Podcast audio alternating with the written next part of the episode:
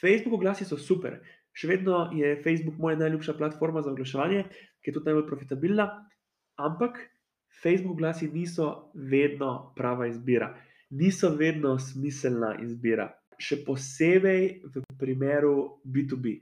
Vem, v eni od prejšnjih epizod sem razlagal o tem, kako se Facebook oglasi uh, dajo profitabilno uporabljati tudi za B2B. Res je, za B2B.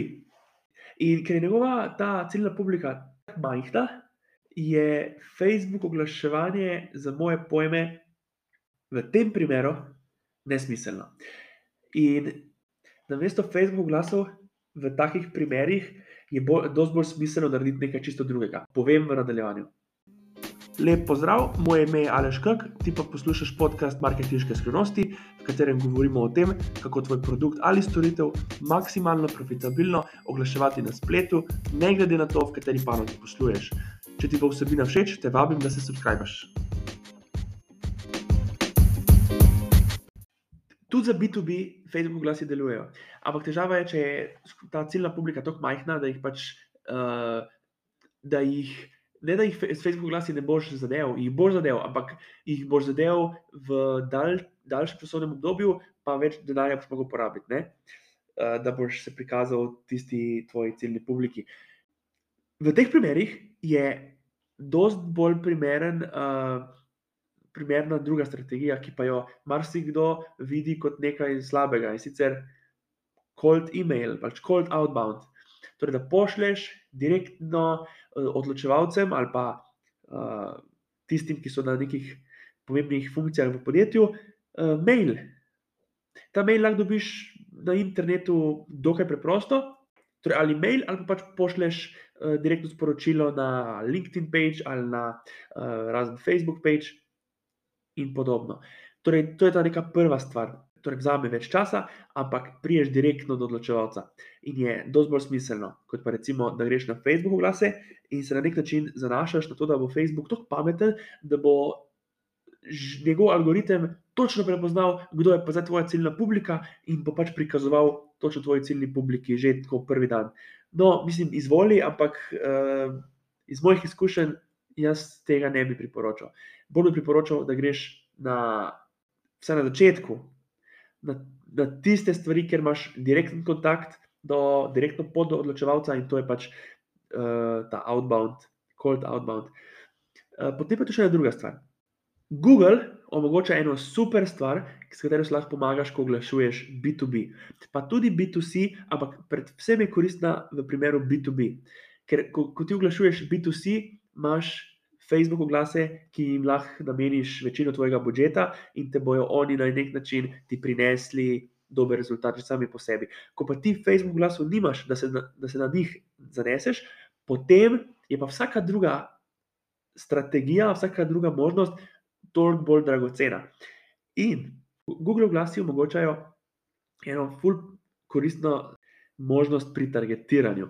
Torej, da ne, da ne targetiraš samo glede na starost, leta, spol, pri nas ne moreš uh, po zaslužku, tako v Ameriki. Lahko pa targetiraš glede na to, katero, stran, katero spletno stran so obiskali. In to je ful koristno, recimo v primeru, hipotetični primer. Recimo, da imaš ti en produkt, hipotetični primer, recimo samo za programerje. Okay. To ni klasični B2B, ampak hipotetični primer.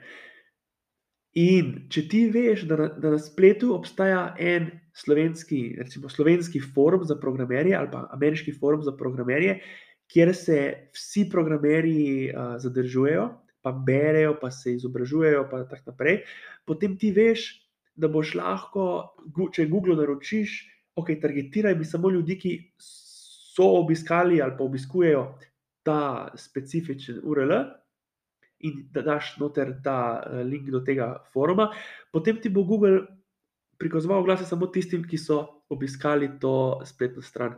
In to je full koristno. Seveda, to ni zagotovilo, da bo zdaj čisto vsak, kateremu se bo glas prikazal, programer, bo pa vsakdo uh, dejansko obiskovalec tega spletnega foruma, kar pomeni, da je gromozanska verjetnost, da je programer. In to je neka taka bližnica tudi pri B2C je to uh, fully koristno, ampak tam je vedno tako, da vedno začnemo z tem, da nastavimo neko strategijo za Facebook, in potem na Google Search, in potem, vsaj jaz osebno, no, pa potem šele take stvari na Google, zato ker, ker taki kampanji bi namenil manjši procent budžeta, kot pa recimo pri B2B, kjer nimam drugih možnosti za uh, tako natančno targetiranje. Oziroma, da sem bolj natančen.